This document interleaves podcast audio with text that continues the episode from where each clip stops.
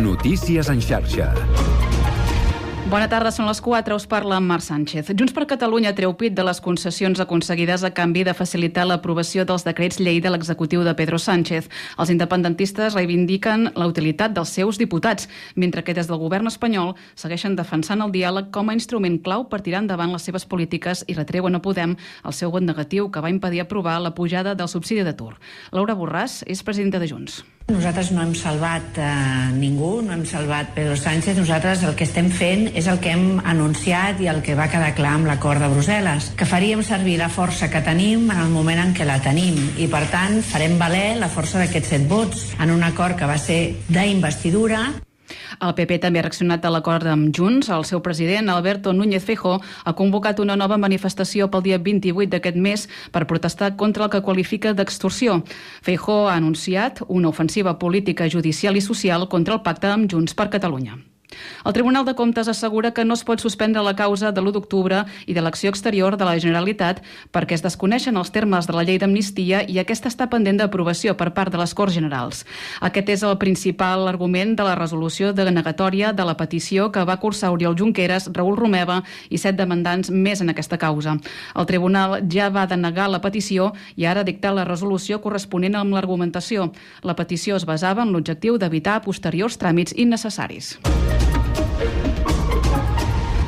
Serà molt difícil que sancionin Gotham, encara que s'arribi a demostrar que l'informe era tendenciós. Ho ha dit Juan Antonio Astorga, professor de Finances i Economia de la Universitat Internacional de Catalunya, el dia en què Grífols ofereix una conferència telefònica amb els inversors per desmentir la consultora que va acusar la farmacèutica de manipular els comptes. Grífols ha avisat que proporcionarà més detalls sobre la recent informació falsa, segons l'empresa, que va publicar el fons baixista. El Departament d'Acció Climàtica, la Federació Catalana dels Tres Toms, l'entitat FADA i l'Associació de Veterinaris Especialistes en Èquids han creat una guia per garantir el benestar dels animals a la celebració dels Tres Toms. El document estableix, entre altres, que a cada festa hi haurà un veterinari per cada 50 èquids. I pel que fa als esports, el Barça s'enfronta a l'Ossassuna a les 8 en la segona semifinal de la Supercopa d'Espanya masculina. Els blaugrana busquen deixar enrere els dubtes en el joc dels darrers partits si bé l'equip encadena tres triomfs i vol recuperar sensacions en una competició la Supercopa que va guanyar brillantment fa un any. Joao Cancelo i Pedri, que han viatjat sense l'alta mèdica, seran dubte fins a última hora. Notícies en xarxa.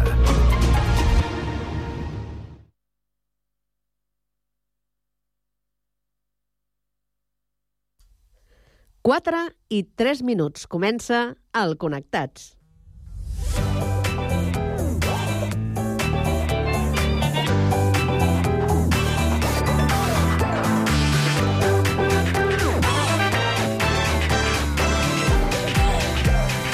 Connectats amb Carme Reversa.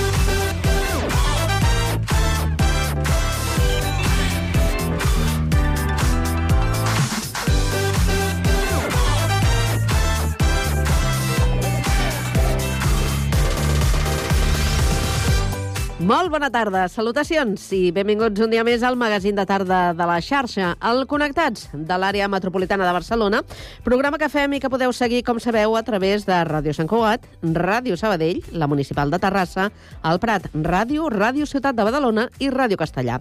Una salutació de tot l'equip conduït a la part tècnica per Pablo Palenzuela i de qui us parla, Carme Reverte. Avui és dijous 11 de gener i volem saber quin temps ens espera aquesta tarda. Lluís Mi Pérez, Bona tarda. No s'acaben de desfer els núvols d'algunes comarques del país, sobretot els més actius. S'estan situant a les comarques de Girona i també fins a la Tordera, en algun moment fins als Vallesos.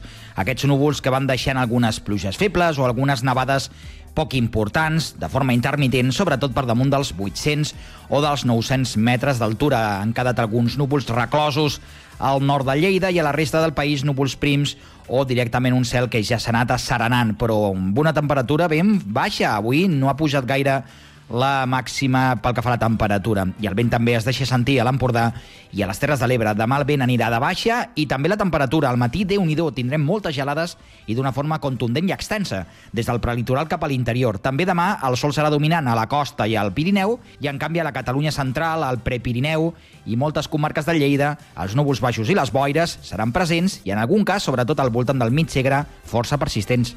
Us seguirem a la xarxa.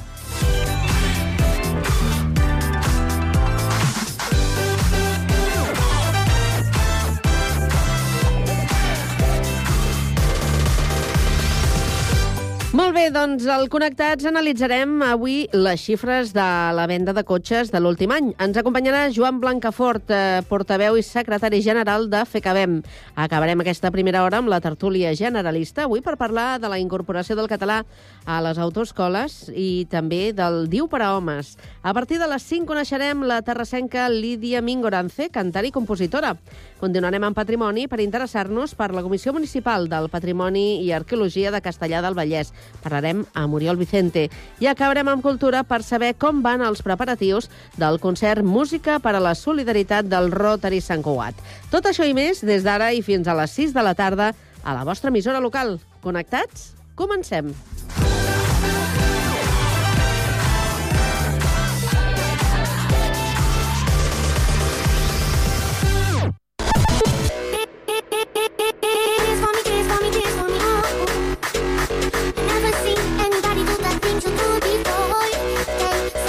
Connectats, una experiència radiofònica a Sabadell, Terrassa, Sant Cugat, El Prat, Castellà i Badalona.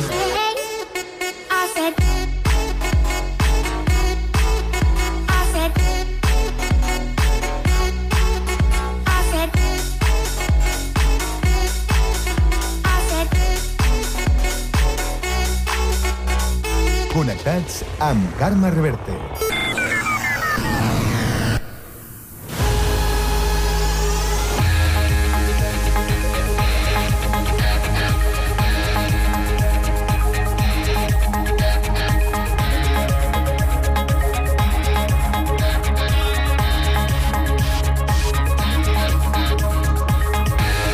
Les 4 i 7 minuts ens actualitzem, ho fem amb la ronda informativa, que un dia més obrirem per Terrassa. Sergi Estapé, bona tarda. Bona tarda. L'empresa municipal Ecoequip, que s'encarrega de la recollida de residus i la neteja viària a Terrassa, contractarà aquest any una empresa externa especialitzada per tal de millorar la seva organització i els seus processos. La decisió s'ha pres després de les recomanacions de l'auditoria per al compliment del contracte programa entre el consistori i aquesta empresa. Entre les conclusions que apareixen a l'informe, a més de recomanar la contractació d'una empresa externa, també s'aconsella la implantació d'un sistema de gestió digital Ecoequip. Això permetria fer una planificació ordenada, un seguiment acurat dels serveis, de les incidències i l'avaluació dels rendiments i la planificació de rutes. També s'indica la necessitat d'incrementar els perfils de personal. Per poder dur-ho a terme, el consistori terrassenc ha incorporat en el pressupost d'Ecoequip una partida de 118.000 euros que serà destinada a la contractació i realització de l'estudi de millores organitzatives. També s'han incorporat 164.000 euros més del reforç de personal tecnificat dins de la plantilla que, entre altres qüestions, haurà de millorar els nivells d'absentisme laboral. Gràcies, Sergi. Sabem ara que és eh, important en l'actualitat de Sabadell. Pau Duran, bona tarda. Bona tarda. Un 13,5% de la població de la comarca viu en risc de pobresa, una taxa que es dispara fins al 15% en el cas de Sabadell. Així ho reflexa l'últim informe de l'Observatori Comarcal sobre la renda, la pobresa i la desigualtat al Vallès Occidental. Moltes de les persones en risc de pobresa tenen feina i ingressos, però es veuen afectades per l'actual context d'inflació. És el cas de la Marià Macàmera, veïna de Camp Puiggener i mare de quatre fills. Tot i que tant ella com el seu marit treballen, han hagut de prescindir d'algunes compres per garantir l'alimentació. muchas veces nos ha pasado. Hemos dejado alguna cosa para poder ah, ah, conseguir otra cosa, porque si no, no llegas. Si no, no llegas. Si no haces esto para poder ah, hacer, decir, ah, unos momentos decir los tus hijos, no, no, no, eso no podemos, tenemos que hacer eso. Y, y lo más peor es que uno pasa es que los niños vengan, abren la nevera y faltan cosas. Mamá, no tenemos eso, mamá, no tenemos esto. Esto es lo más increíble que uno puede, que una madre puede vivir o un padre. Pero llegaba un momento, es lo que estamos viviendo. Càmera lamenta que moltes de les ajudes estatals estan pensades per persones sense cap mena d'ingressos, de manera que famílies com la seva en queden excloses. Gràcies, Pau. I avui, què és notícia a Badalona? Andrea Romera, bona tarda. Bona tarda, Carme. Les obres d'adequació per acollir la quinzena edició del Festival Nòmada Manifesta a la nau de turbines de les Tres Xamanelles s'iniciaran el proper mes de febrer. Aquests primers treballs provisionals consistiran en fer l'espai accessible i segur, amb la instal·lació d'escales i ascensors que permetin l'entrada dels visitants del Manifesta del 8 de setembre al 24 de novembre d'aquest 2024.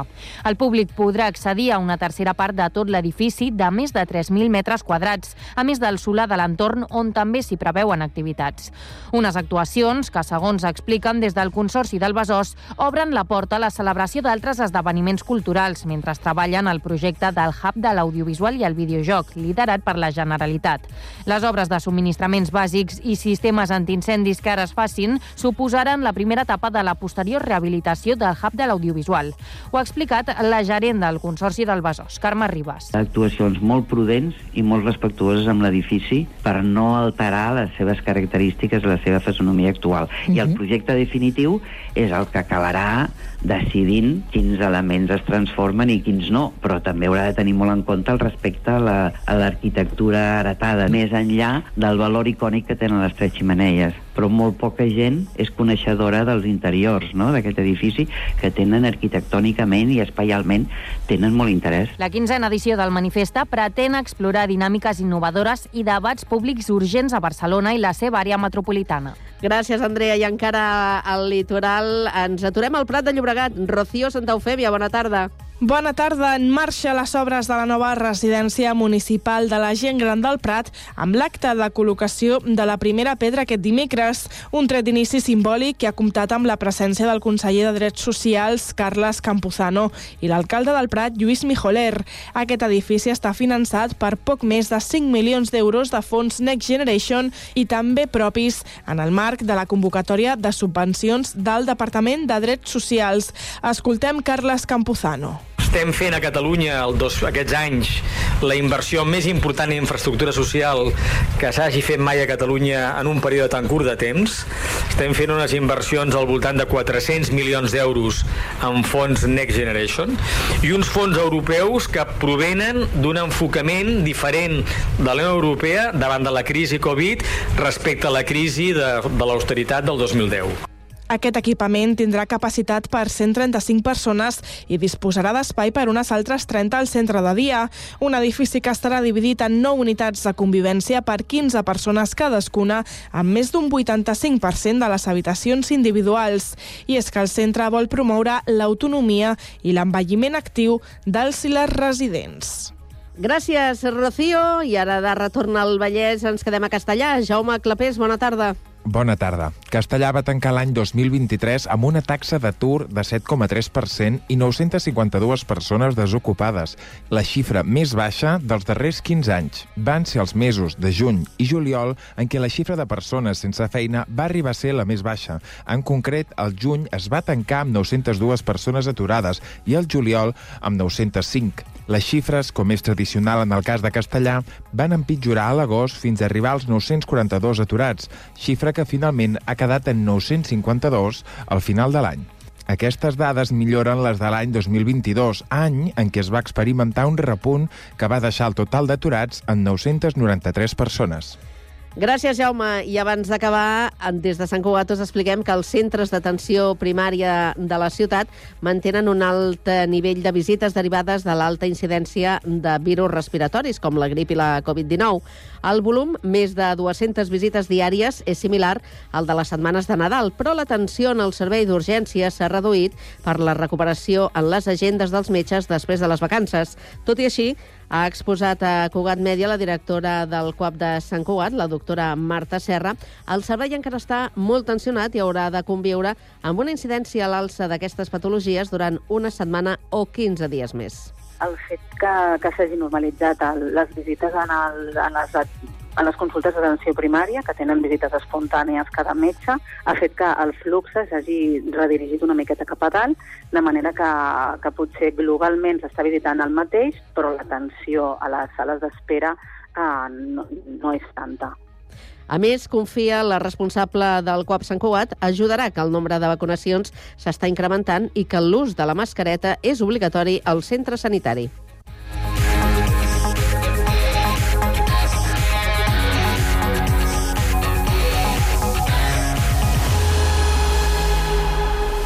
A la tarda, no et desconnectis. A la teva ràdio local, connectats. Can't touch this. Can't touch this.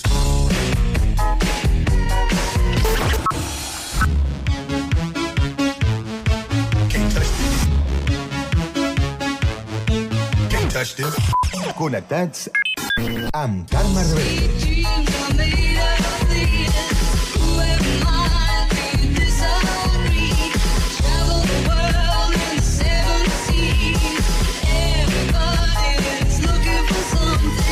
Connectats. Una experiència radiofònica a Sabadell, Terrassa, Sant Cugat, El Prat, Castellà i Badalona.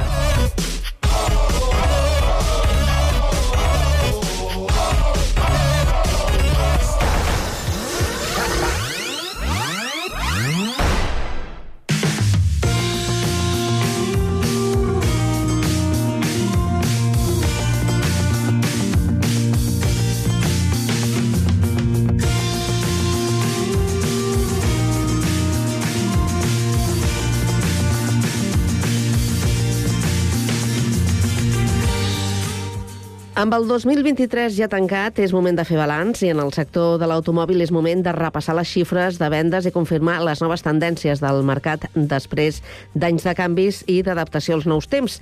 Hem demanat a Joan Blancafort, eh, portaveu i secretari general de FECABEM, la Federació Catalana de Venedors de Vehicles de Motor, que es passi pel Connectats per fer una anàlisi de tota aquesta situació. Joan Blancafort, bona tarda. Bona tarda. Després d'una pandèmia i després d'un 2022 amb caigudes en les vendes, el 2023 ha estat un bon any?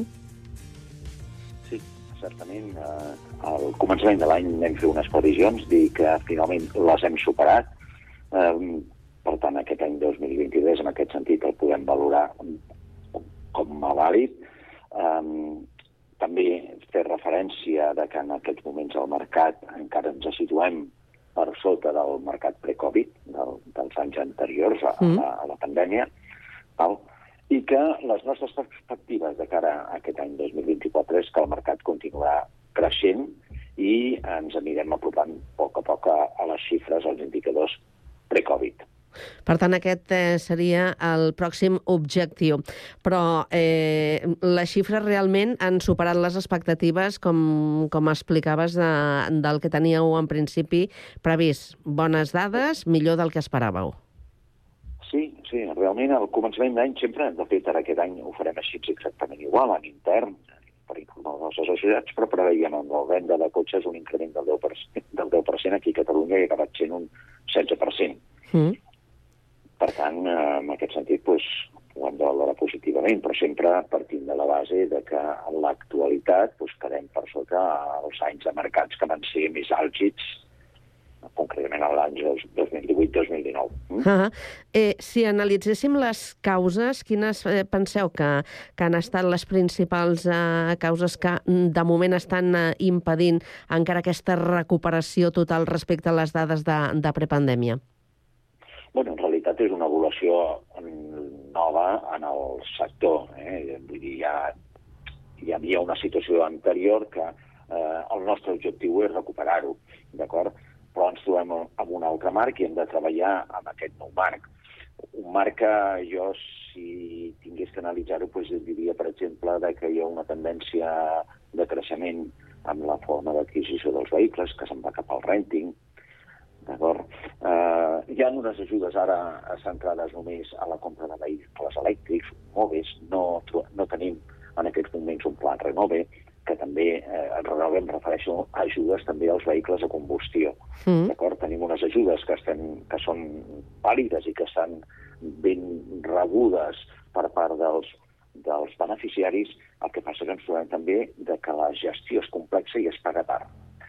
D'acord? I això li treu un cert incentiu de cara a aquest any 2024, doncs, bueno, un aspecte que caldria solucionar doncs, seria aquest, no?, que els pagaments es poguessin accelerar.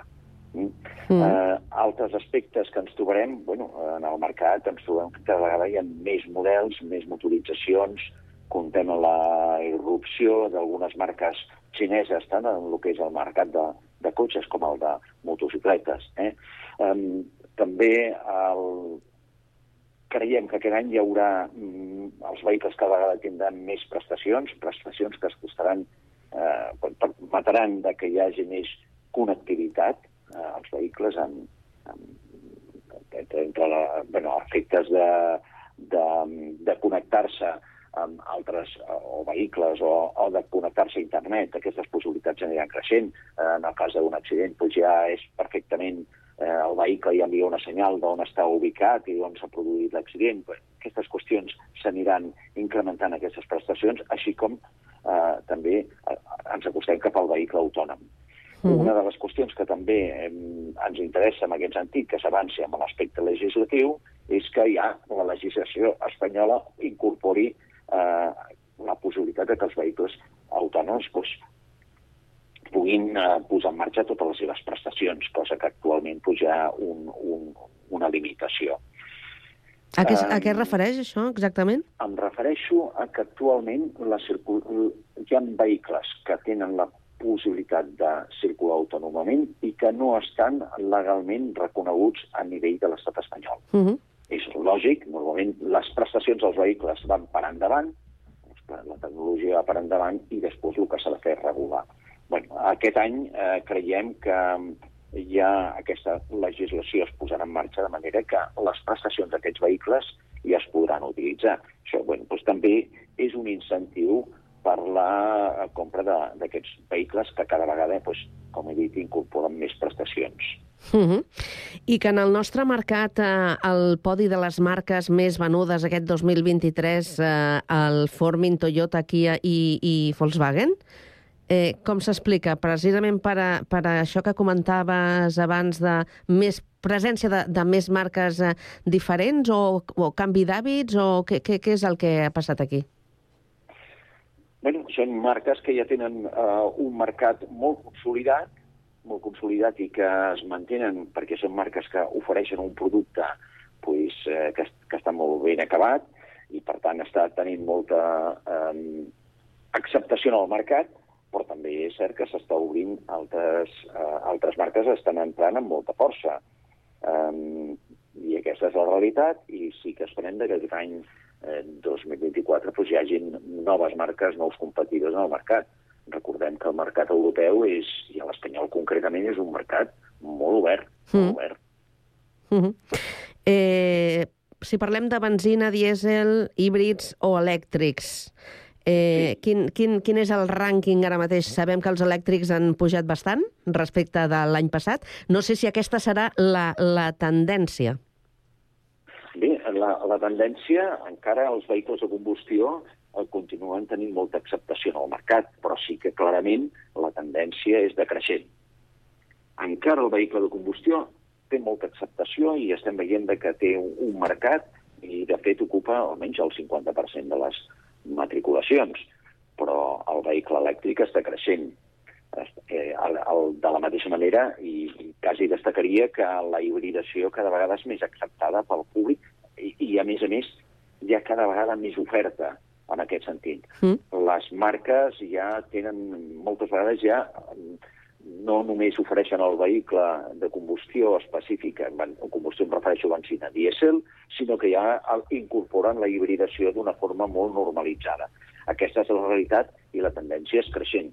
En aquí, on té mm, molta utilitat, és el plan Moves, perquè precisament ajuda als vehicles, no només elèctrics, sinó els híbrids avançats. Mm.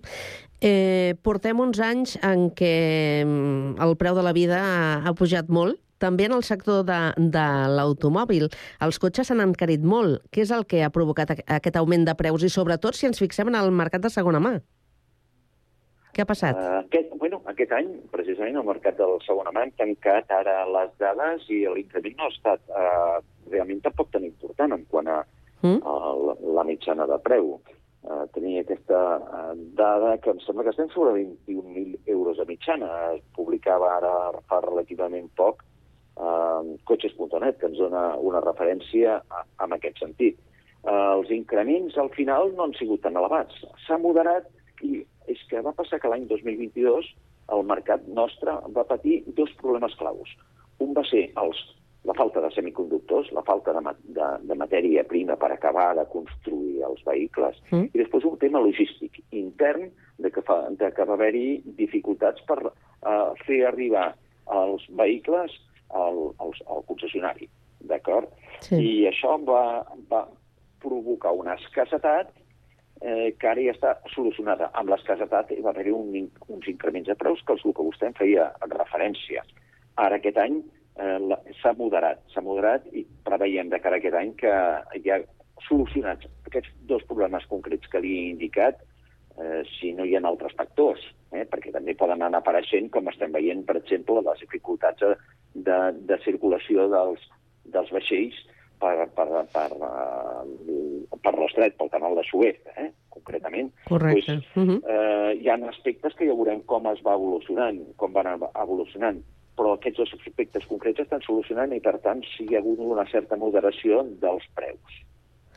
Eh, hi ha una qüestió, recupero un tema que, que ja ha sortit a, en aquesta entrevista, però el que ens ha sobtat és el fet que les matriculacions per renting tenen menys eh, acceptació o menys sortida a Catalunya que la resta de l'Estat, on precisament la tendència és de, de creixement continuat. Eh, hi ha algun argument, alguna explicació a aquest fet? Sí, sí, però no és un tema... eh, És a dir, el que està passant és que els gestors de flotes estan concentrats eh, bàsicament a, a, a Madrid. Eh? Estan, la, la gestió està centralitzada. I aquests vehicles, encara que circulin aquí a Catalunya, la matriculació es fa a, a, en altres comunitats autònomes i per això eh, aquesta, aquesta és la informació, la raó tècnica per el que està passant això. En realitat, Catalunya és un dels mercats on el rènting té més, més eh, acceptació, però no es tradueix en les xifres de matriculació. M'he explicat? El, que jo, el dubte que tinc és... la matriculació, quan... sí. la matriculació, perdó, insiste, la matriculació es porta en altres municipis, fora de Catalunya, d'acord? Que és un tema purament de- de- d'inscripció a, a, a la Direcció General de Trànsit, eh, en el registre de la direcció. Però realment aquests vehicles al final acaben circulant aquí, perquè l'empresa gestora, l'empresa de renting, el, el matricula fora, però en canvi circula aquí a Catalunya. I li haig de dir que les operacions de renting que es fan aquí a Catalunya, pues, pues sí, est- estan creixent com a la resta del mercat. Mhm. Però quan pensem en renting, no només pensem en, en les empreses no? que fan, eh, diguem, aquesta fórmula, perquè també en l'àmbit privat eh, hi ha persones que opten per aquestes fórmules de semi-renting o de renting flexible, no? que, que venen a ser doncs, un, un, un lloguer amb una entrada i una, i una quota eh, mensual durant un temps eh, determinat. És una fórmula que no sé si acaba de, de, de, de tenir encaix aquí entre el públic. Molt d'encaix, està tenint molt d'encaix. Mm. El ranking eh, per particulars està mm, creixent i està agafant força. De manera que no podem eh, vincular les operacions de renting únicament al canal empresarial, al canal per, per la gestió, de, per la compra dels vehicles de renta cara, els, els, els pròpiament de llogater. No, no, no. És que actualment el del canal particular està tenint molta acceptació. Dic que aquests cotxes que, que circulen per aquí, per Catalunya, al final no s'acaben matriculant aquí per una raó, bàsicament, de que el, hi ha un impost d'emissions que aquí doncs, ja ho hem denunciat altres vegades des d'aquesta casa. De fet, fer una roda de premsa explicant de que no tenia gaire sentit que eh, aquestes matriculacions no es fessin aquí a Catalunya. I és per, una, per un efecte d'un impost que aquí es paguen i en altres llocs no.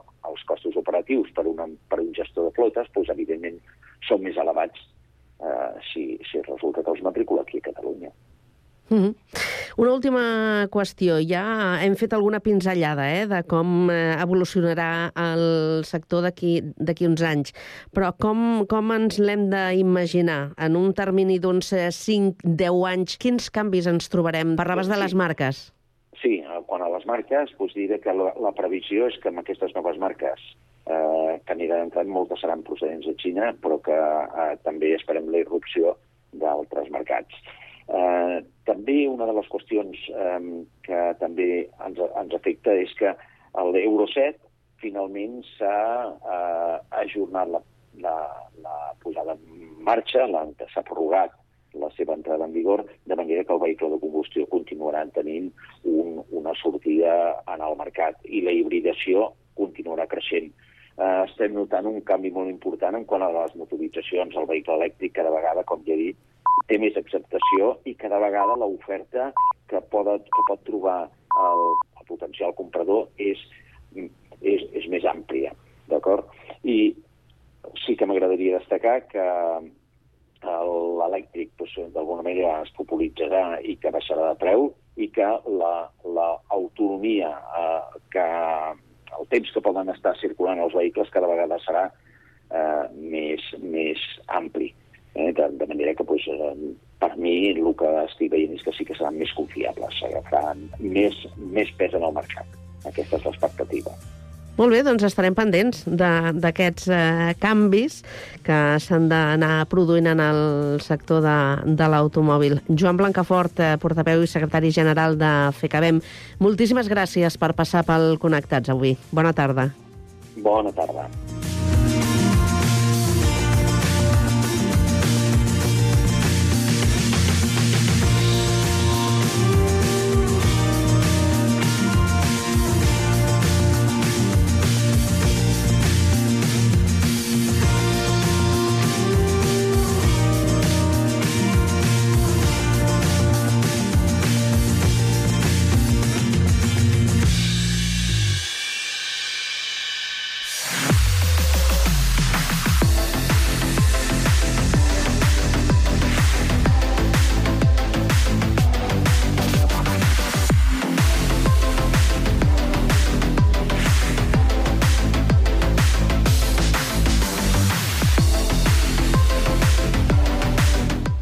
Passen dos minuts de dos quarts de cinc de la tarda i ara ens disposem a compartir opinió en aquest espai la tertúlia a tres bandes que avui farem amb la participació de l'Anna Maria Vives, que és infermera i presidenta d'Anastàsies de Badalona, el grup de dones que treballen per la cultura.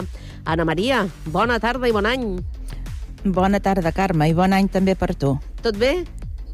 Tot bé, tot bé. Me n'alegro. No ens podem queixar. No, no, no, pobres de nosaltres que ens queixem, eh? No, no, no sigui que se, se'ns empitjorin les coses i no, Eh, no, no cridem el mal temps. No, no ho farem. Anem a Terrassa. Allà ens espera el Josep eh, Vallvé, que és exempleat de Caixa d'Estalvis i columnista. Josep, bona tarda i bon any. Bona tarda, bon any, Carme, bona tarda, Ana Maria, i l'altra tertulià que ja em diràs qui és. La Lluïsa, la Lluïsa Espín, que és la directora de la Fundació Vinna, que la tenim aquí a l'estudi de Sant Cugat. Hola, bona tarda. Josep i Ana Bona Maria. tarda. I Bé, bona tarda i bon any. Doncs eh, res, entrem de seguida en matèria. Mira, abans de tot, eh, qui de la sala té, té carnet de, de conduir? Jo. Tu tens carnet de Jo. conduir, Lluïsa? L'Anna Maria també? I el Josep? Jo també, i el tinc de cotxe i de moto, que crec que és un tema que volem incorporar després. Sí, sí, sí, sí, sí, sí. Avui ens introduïm en el món de les autoescoles, dels permisos, de... Bueno, barrejarem una miqueta totes aquestes eh, qüestions, perquè eh, sembla que el govern eh, està o vol promocionar a través de subvencions eh, la, la utilització o l'entrada del català a les autoescoles, perquè, clar, els que estem en aquesta tertúlia, tots tenim carnet de cotxe, però jo diria que ens hem examinat en què? En quina llengua? En castellà. Total. En castellà. Home, Sí, no? El que pertocava... Perquè el no hi, ha, pertocava... no hi havia opció. Clar. No. no. No. No hi havia No, opció. no, no. Si, si l'haguéssim tingut, aquesta possibilitat, l'hauríem triat? Hauríem eh, eh, decidit de fer l'examen en català o en castellà? Clar, Ah, no, jo en català. Sí? Jo, evidentment, en català l'hauria fet. Doncs jo Sí. l'hauria fet en castellà. Perquè tu l'hauries fet a on? Ah, Jo a Sabadell, com ah. tothom, però clar, el meu nivell de català en aquell moment no sé si hauria tret el carnet, perquè, eh, clar, el, no era la meva llengua materna, per tant, eh, si el faig en català potser encara estic donant voltes per Sabadell. però, però, però els senyals s'interpreten igual. L'estop no crec que en difereixi gaire. No. I la direcció prohibida tampoc. Tampoc. Això no. Clar, però és el fet de eh, tenir doncs, eh, un professor, per exemple, a l'autoescola que et faci la classe en català, tenir un instructor que et doni les indicacions el dia de l'examen eh, en català. Totes aquestes qüestions que, que venen a ser de la vida Clar, quotidiana, no? sí, Dins sí, de l'àmbit sí. de, de, de l'examinació de, Sí, sí, sí. de, del carnet de, de cotxe. Però, clar, eh, mm, quan reps una notícia com aquestes, eh, se't fa... No, no se us ha fet una mica estrany com dient, escolta, Sí. i mm. com és que ara el català a l'autoescola, doncs, mm. Sí, no? a, a mi m'ha agafat a, a contracor, he pensat, però encara estem així? Perquè, clar, el carnet és una cosa que te la treus una vegada a la vida, afortunadament.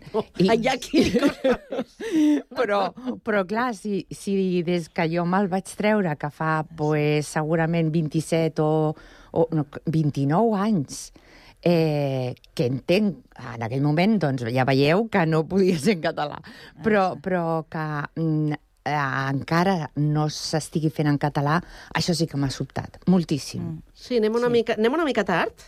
Molt, molt Sí? tard, no? Hauria de ser mi- una cosa completament interioritzada.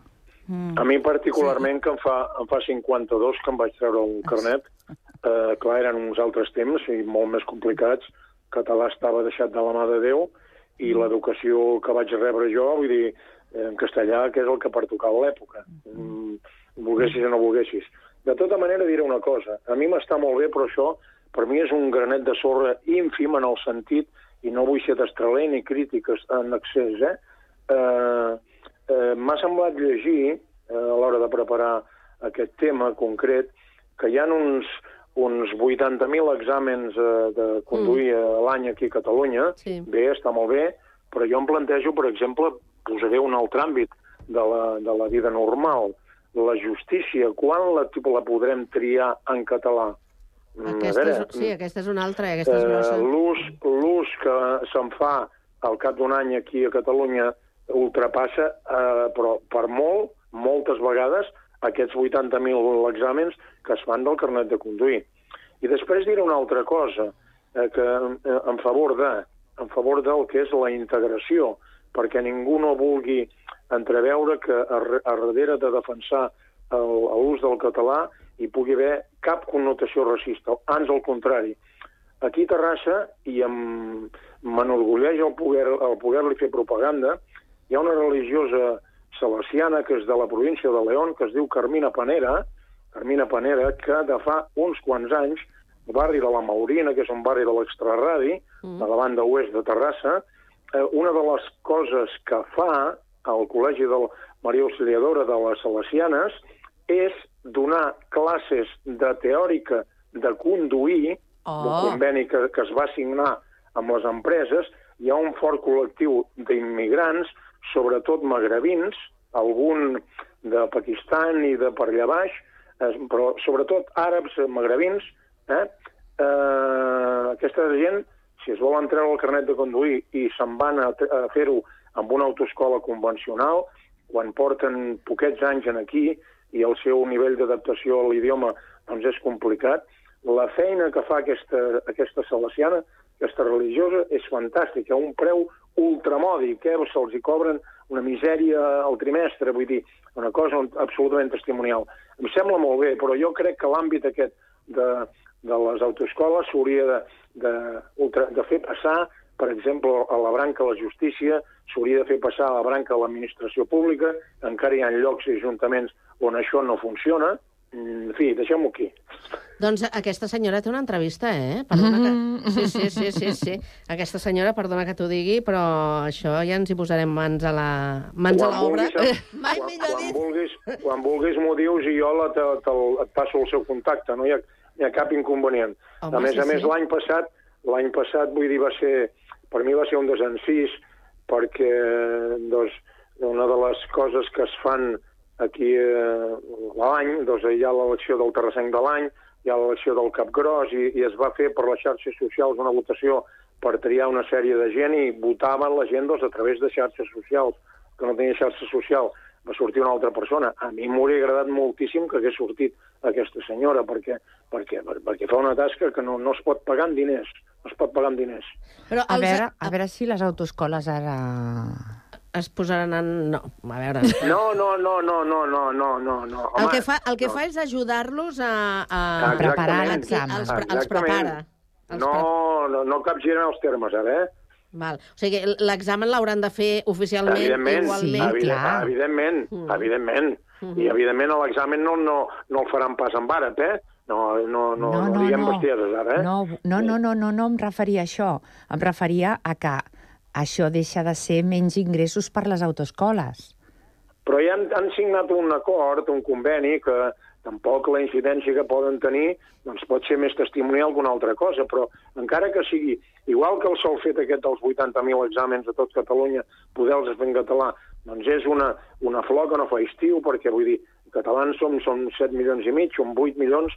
Eh, a veure, eh, està bé, eh, es comença per poqueta cosa. Més val això que no passa res.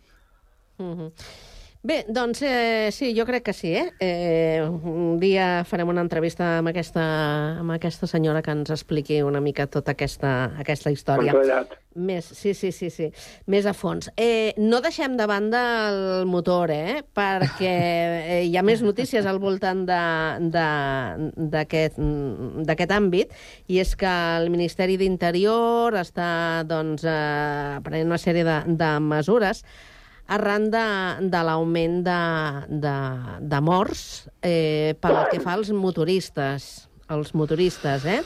Eh, un de cada tres morts en carretera eh, són precisament conductors de motocicletes. I una de les primeres mesures que s'han pres és que les motos de 125 eh, centímetres cúbics ja no es podran eh, conduir només eh, amb 3 anys del carnet de cotxe. Jo no sé si vosaltres vau aprofitar, i estem parlant que els carnets ja fa, fa anys no? que, que s'han aconseguit. Si en alguna ocasió heu aprofitat per conduir alguna moto d'aquestes? Jo no. Tu no? No, jo tampoc. Jo sí que he sigut, vaig ser motero i tenia una, vaig començar amb una Vespa de, de 125 centímetres cúbics, quan van sortir les scooters mm. els vaig passar amb una de 90, que al, al cap i a la fi per anar a treballar i per, per moure'm per la ciutat em anava de conya. Un dia que baixaves a Barcelona i eh, per l'autopista te'ls duies matrícula, naturalment, t'avançava tothom, però anaves al teu, al teu aire. A veure, jo crec que aquesta mesura és totalment encertada, perquè no té res a veure la, la, la, el portar un cotxe, eh, portar un, un, una moto.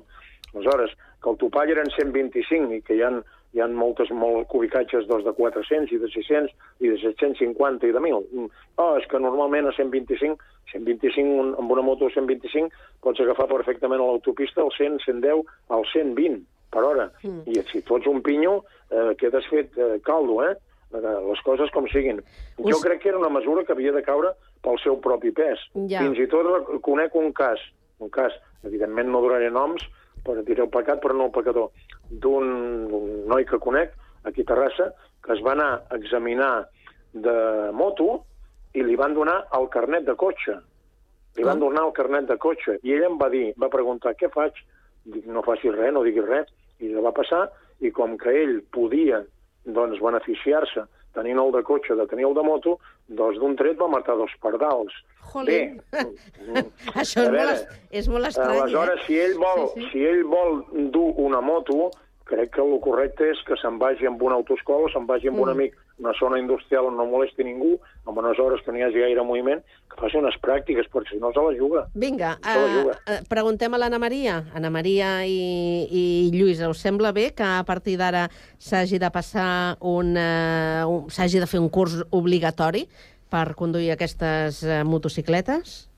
Jo ho trobo bé. Jo mateixa tinc carnet de conduir i, i, i vull dir, sé conduir un cotxe, per descomptat. En canvi, amb una moto no m'he enfilat mai, entre altres coses, perquè a mi les motos em fan pànic.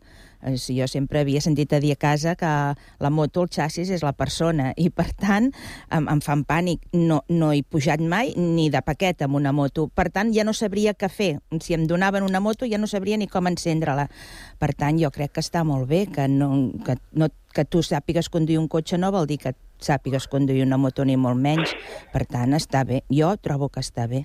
Perquè, com explicava el Josep, és, és diferent un cotxe Sí. i una moto, encara Clar. que sigui d'aquesta cilindrada. Sí. sí, sí, i jo ho tinc perquè el carnet fa més de 40 anys que el tinc, i per tant, vull dir, però no, no ho he fet servir mai, per tant, no, no, no sabria què fer amb una moto entre les cames, la veritat. Jo tampoc, jo tampoc, i a més a més crec que és necessari. Però ja no només això, em sembla que s'hauria de regular tot una mica, tot plegat, no? Perquè ara eh, eh, els conductors de, de turismes et trobes que de cop i volta tens un patinet elèctric que et passa pel costat, sense casco, i dius, sí. aquest ha d'anar per la calçada o per la vorera? Amb casco, sense casco? El de la bicicleta ha d'anar amb casco o sense... Vull dir, jo a vegades dubto de, una mica de com estem gestionant uh, totes aquestes qüestions, perquè la vida avança, els mitjans progressen, però jo no sé, no, no hi ha ni una circular d'aquelles d'actualització, perquè van sortint senyals que tampoc no sabem ben bé què volen dir. Mm -hmm. Vull dir que crec que el tema del motor és un, una mica obsolet. En el, Si en, en, el fons, en el fons, una de les coses que a mi em preocupa és que darrere d'aquesta notícia algú pugui, pugui arribar a pensar que eh, es culpabilitza el motero, el que, el que porta un moto, com a culpable de, del, de la majoria dels accidents. Bé, mm, això voldria treure jo del cap.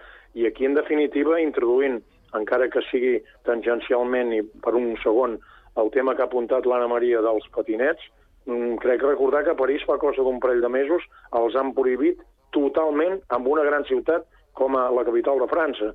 Compte, eh, van en sense casc, van per on volen, van en contradirecció, van sense assegurança, van a una velocitat inadequada, crec que el màxim que se'ls hi permet anar Però per tot això, ciutat tot això està regulat, això hi ha una, una, Eh, sí. una normativa. Hi ha una normativa, Sí. doncs no la- no l'estem aplicant. No. Perquè aleshores jo no sé si els patinets han d'anar per la, per ha la d'anar calçada... una sola persona, Sí, uh, no pots portar casc. auriculars...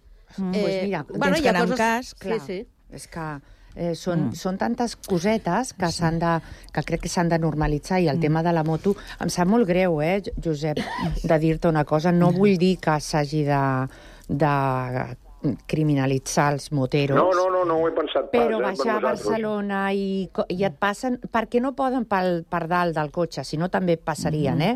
Pel damunt. Vull dir, és Estic totalment d'acord amb tu. Horrorós. Sí, sí. baixar a Barcelona. I, i, i bueno, a vegades... Jo porto un cotxe gran i a vegades, a vegades em sento petita quan surten totes, jo dic, les feres de les motos. Buah!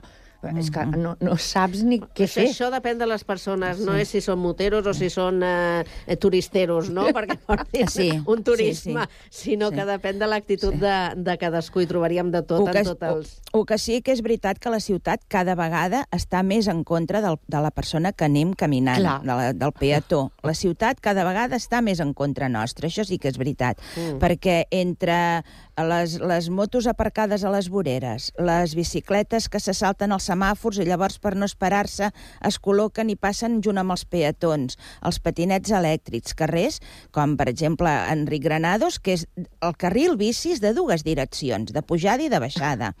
Uh, vull dir, clar, és un caos, i jo sempre ho estic dient, ens estan arraconant a la gent que anem caminant Exacte. per la ciutat, ens arraconen. Vull dir, tot és roda, roda, roda, i com més velocitat, millor. La mateixa, les mateixes mesures que s'han pres i s'estan acabant de prendre mm, aquí a Terrassa, per exemple, el tema d'aparcament de motos a les voreres, des de l'1 de gener d'enguany, està multat amb 8, amb 80 euros. Eh, Ui, quina sort!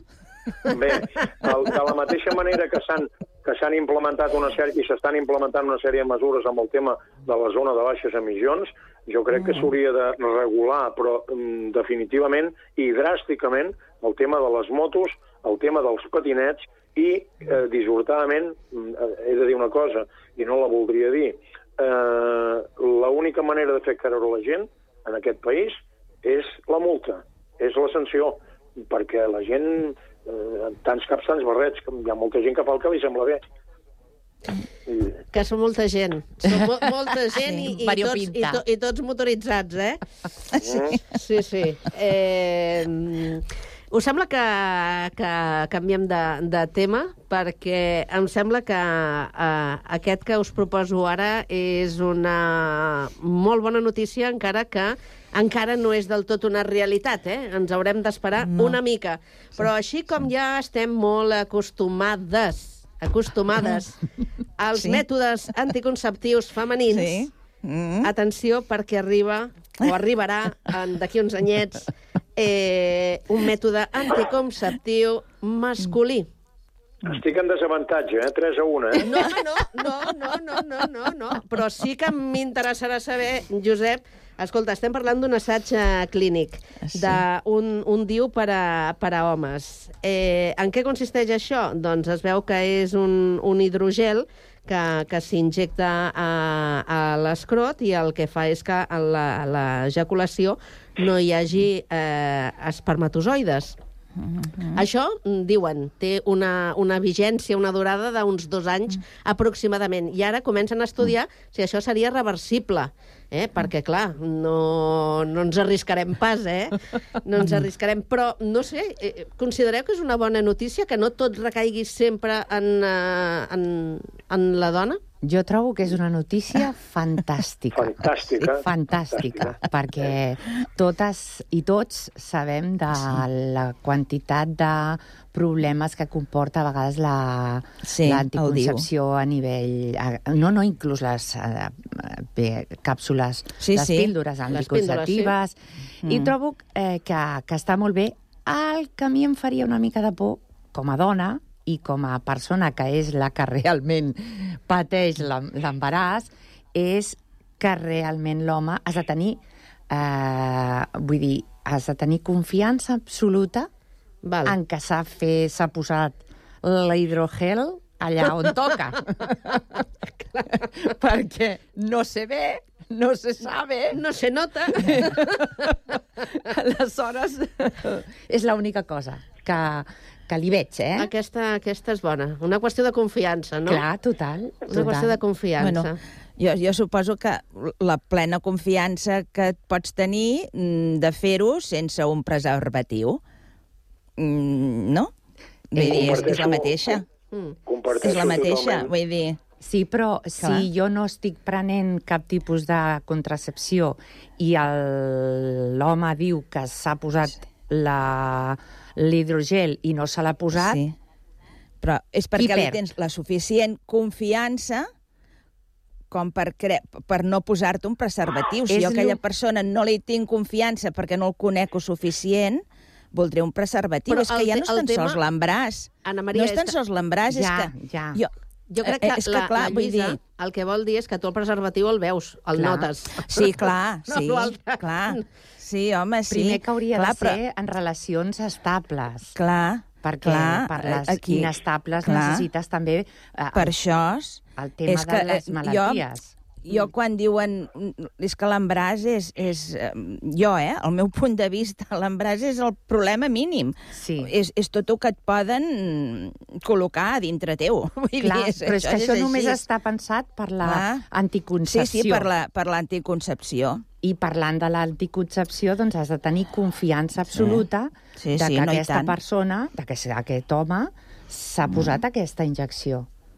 Vista, vista la perspectiva des, del, des de l'àmbit masculí, ja, ja he, he fet la brometa de que estic en desavantatge, eh, comparteixo totalment el criteri que heu dit, per mi és una notícia fantàstica, eh, crec que és molt fàcil perquè he pogut llegir doncs, aquest procés en què s'implanta un consultori mèdic amb anestèsia local sense cap bisturí, amb un procediment que dura al voltant d'un quart d'hora, bé, mm. molta més dificultat comporta el, el col·locar un, un, un diu en, el, Un diu. en una senyora que, que, que Sí. realment doncs, ho nota. Si realment la dificultat és tan mínima, evidentment, amb una, amb una relació d'aquestes esporàdiques, de- d'una nit que un surt de copes i troba no sé qui, pim-pam, aquí, pim-pam-fuego, eh, això ja no, Però a veure, evidentment hi ha d'haver el tema de l'estricta confiança. Pel que diu, diuen que això serà reversible, que els, els, les proves les estan fent a tres centres mèdics eh, a Austràlia i que sembla ser que fins ara les Estats proves... Units. Es, I als Estats Units. I les proves doncs freguen el 99% de- d'èxit. Bé, jo trobo que la notícia és, és, és per, per brindar amb cava, que dirien. Ho trobo fantàstic. No, voleu, no, no es vol la igualtat de sexes, doncs, doncs posem-hi, i ha de ser per ambes, per ambdues parts. Sempre ha de patir la dona el, el tema. Jo crec que s'ha de ser èticament correcte. A més, els efectes secundaris, que, que abans eh, Sí. algú s'hi ha referit, Eh, eh, eh. no sé si era la, la Lluïsa, en aquest cas, els efectes secundaris, de moment, són poqueta cosa, eh? Res. En canvi, per les dones, els És efectes bastant més- secundaris sí. és, són bastant més complicats Sí. i, i, a més a més, amb un, amb un temps de durada abans el teu cos no s'acostuma en, el, en el diu. Per tant, bueno, que hagi una mica de l'escrote, una mica amb un hematoma, una mica inflamat, bueno, a vegades jugant a futbol, una mala Ah, Mira, patada, m'ho acabes igual de llegir, també. eh?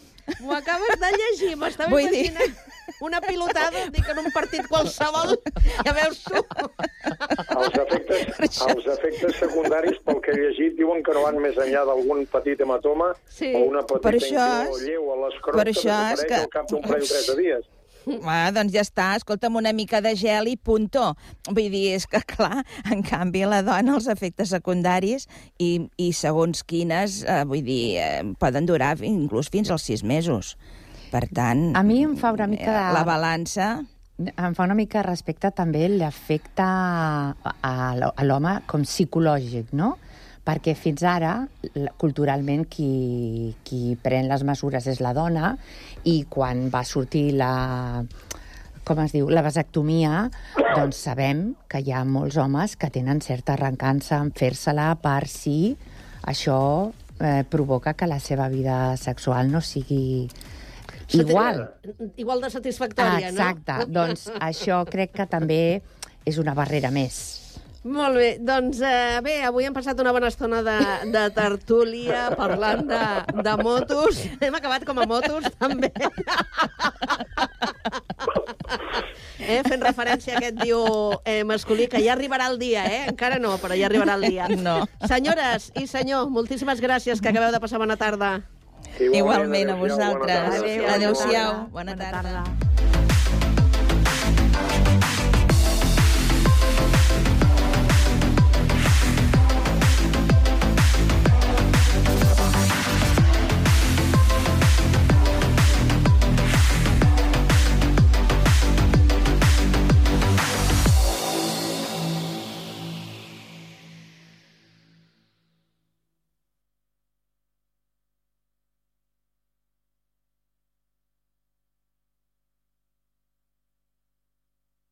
Cugat Ràdio 91.5, la ràdio de Sant Cugat.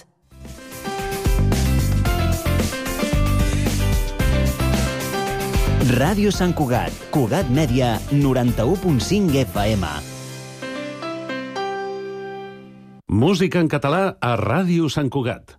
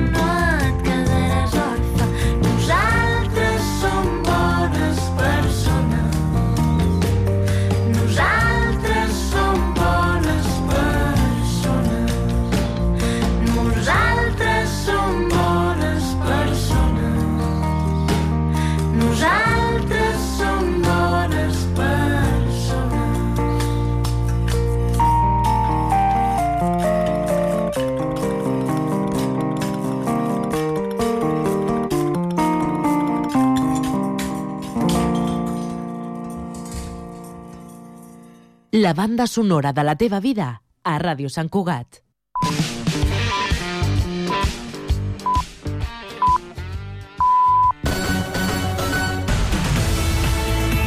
Ràdio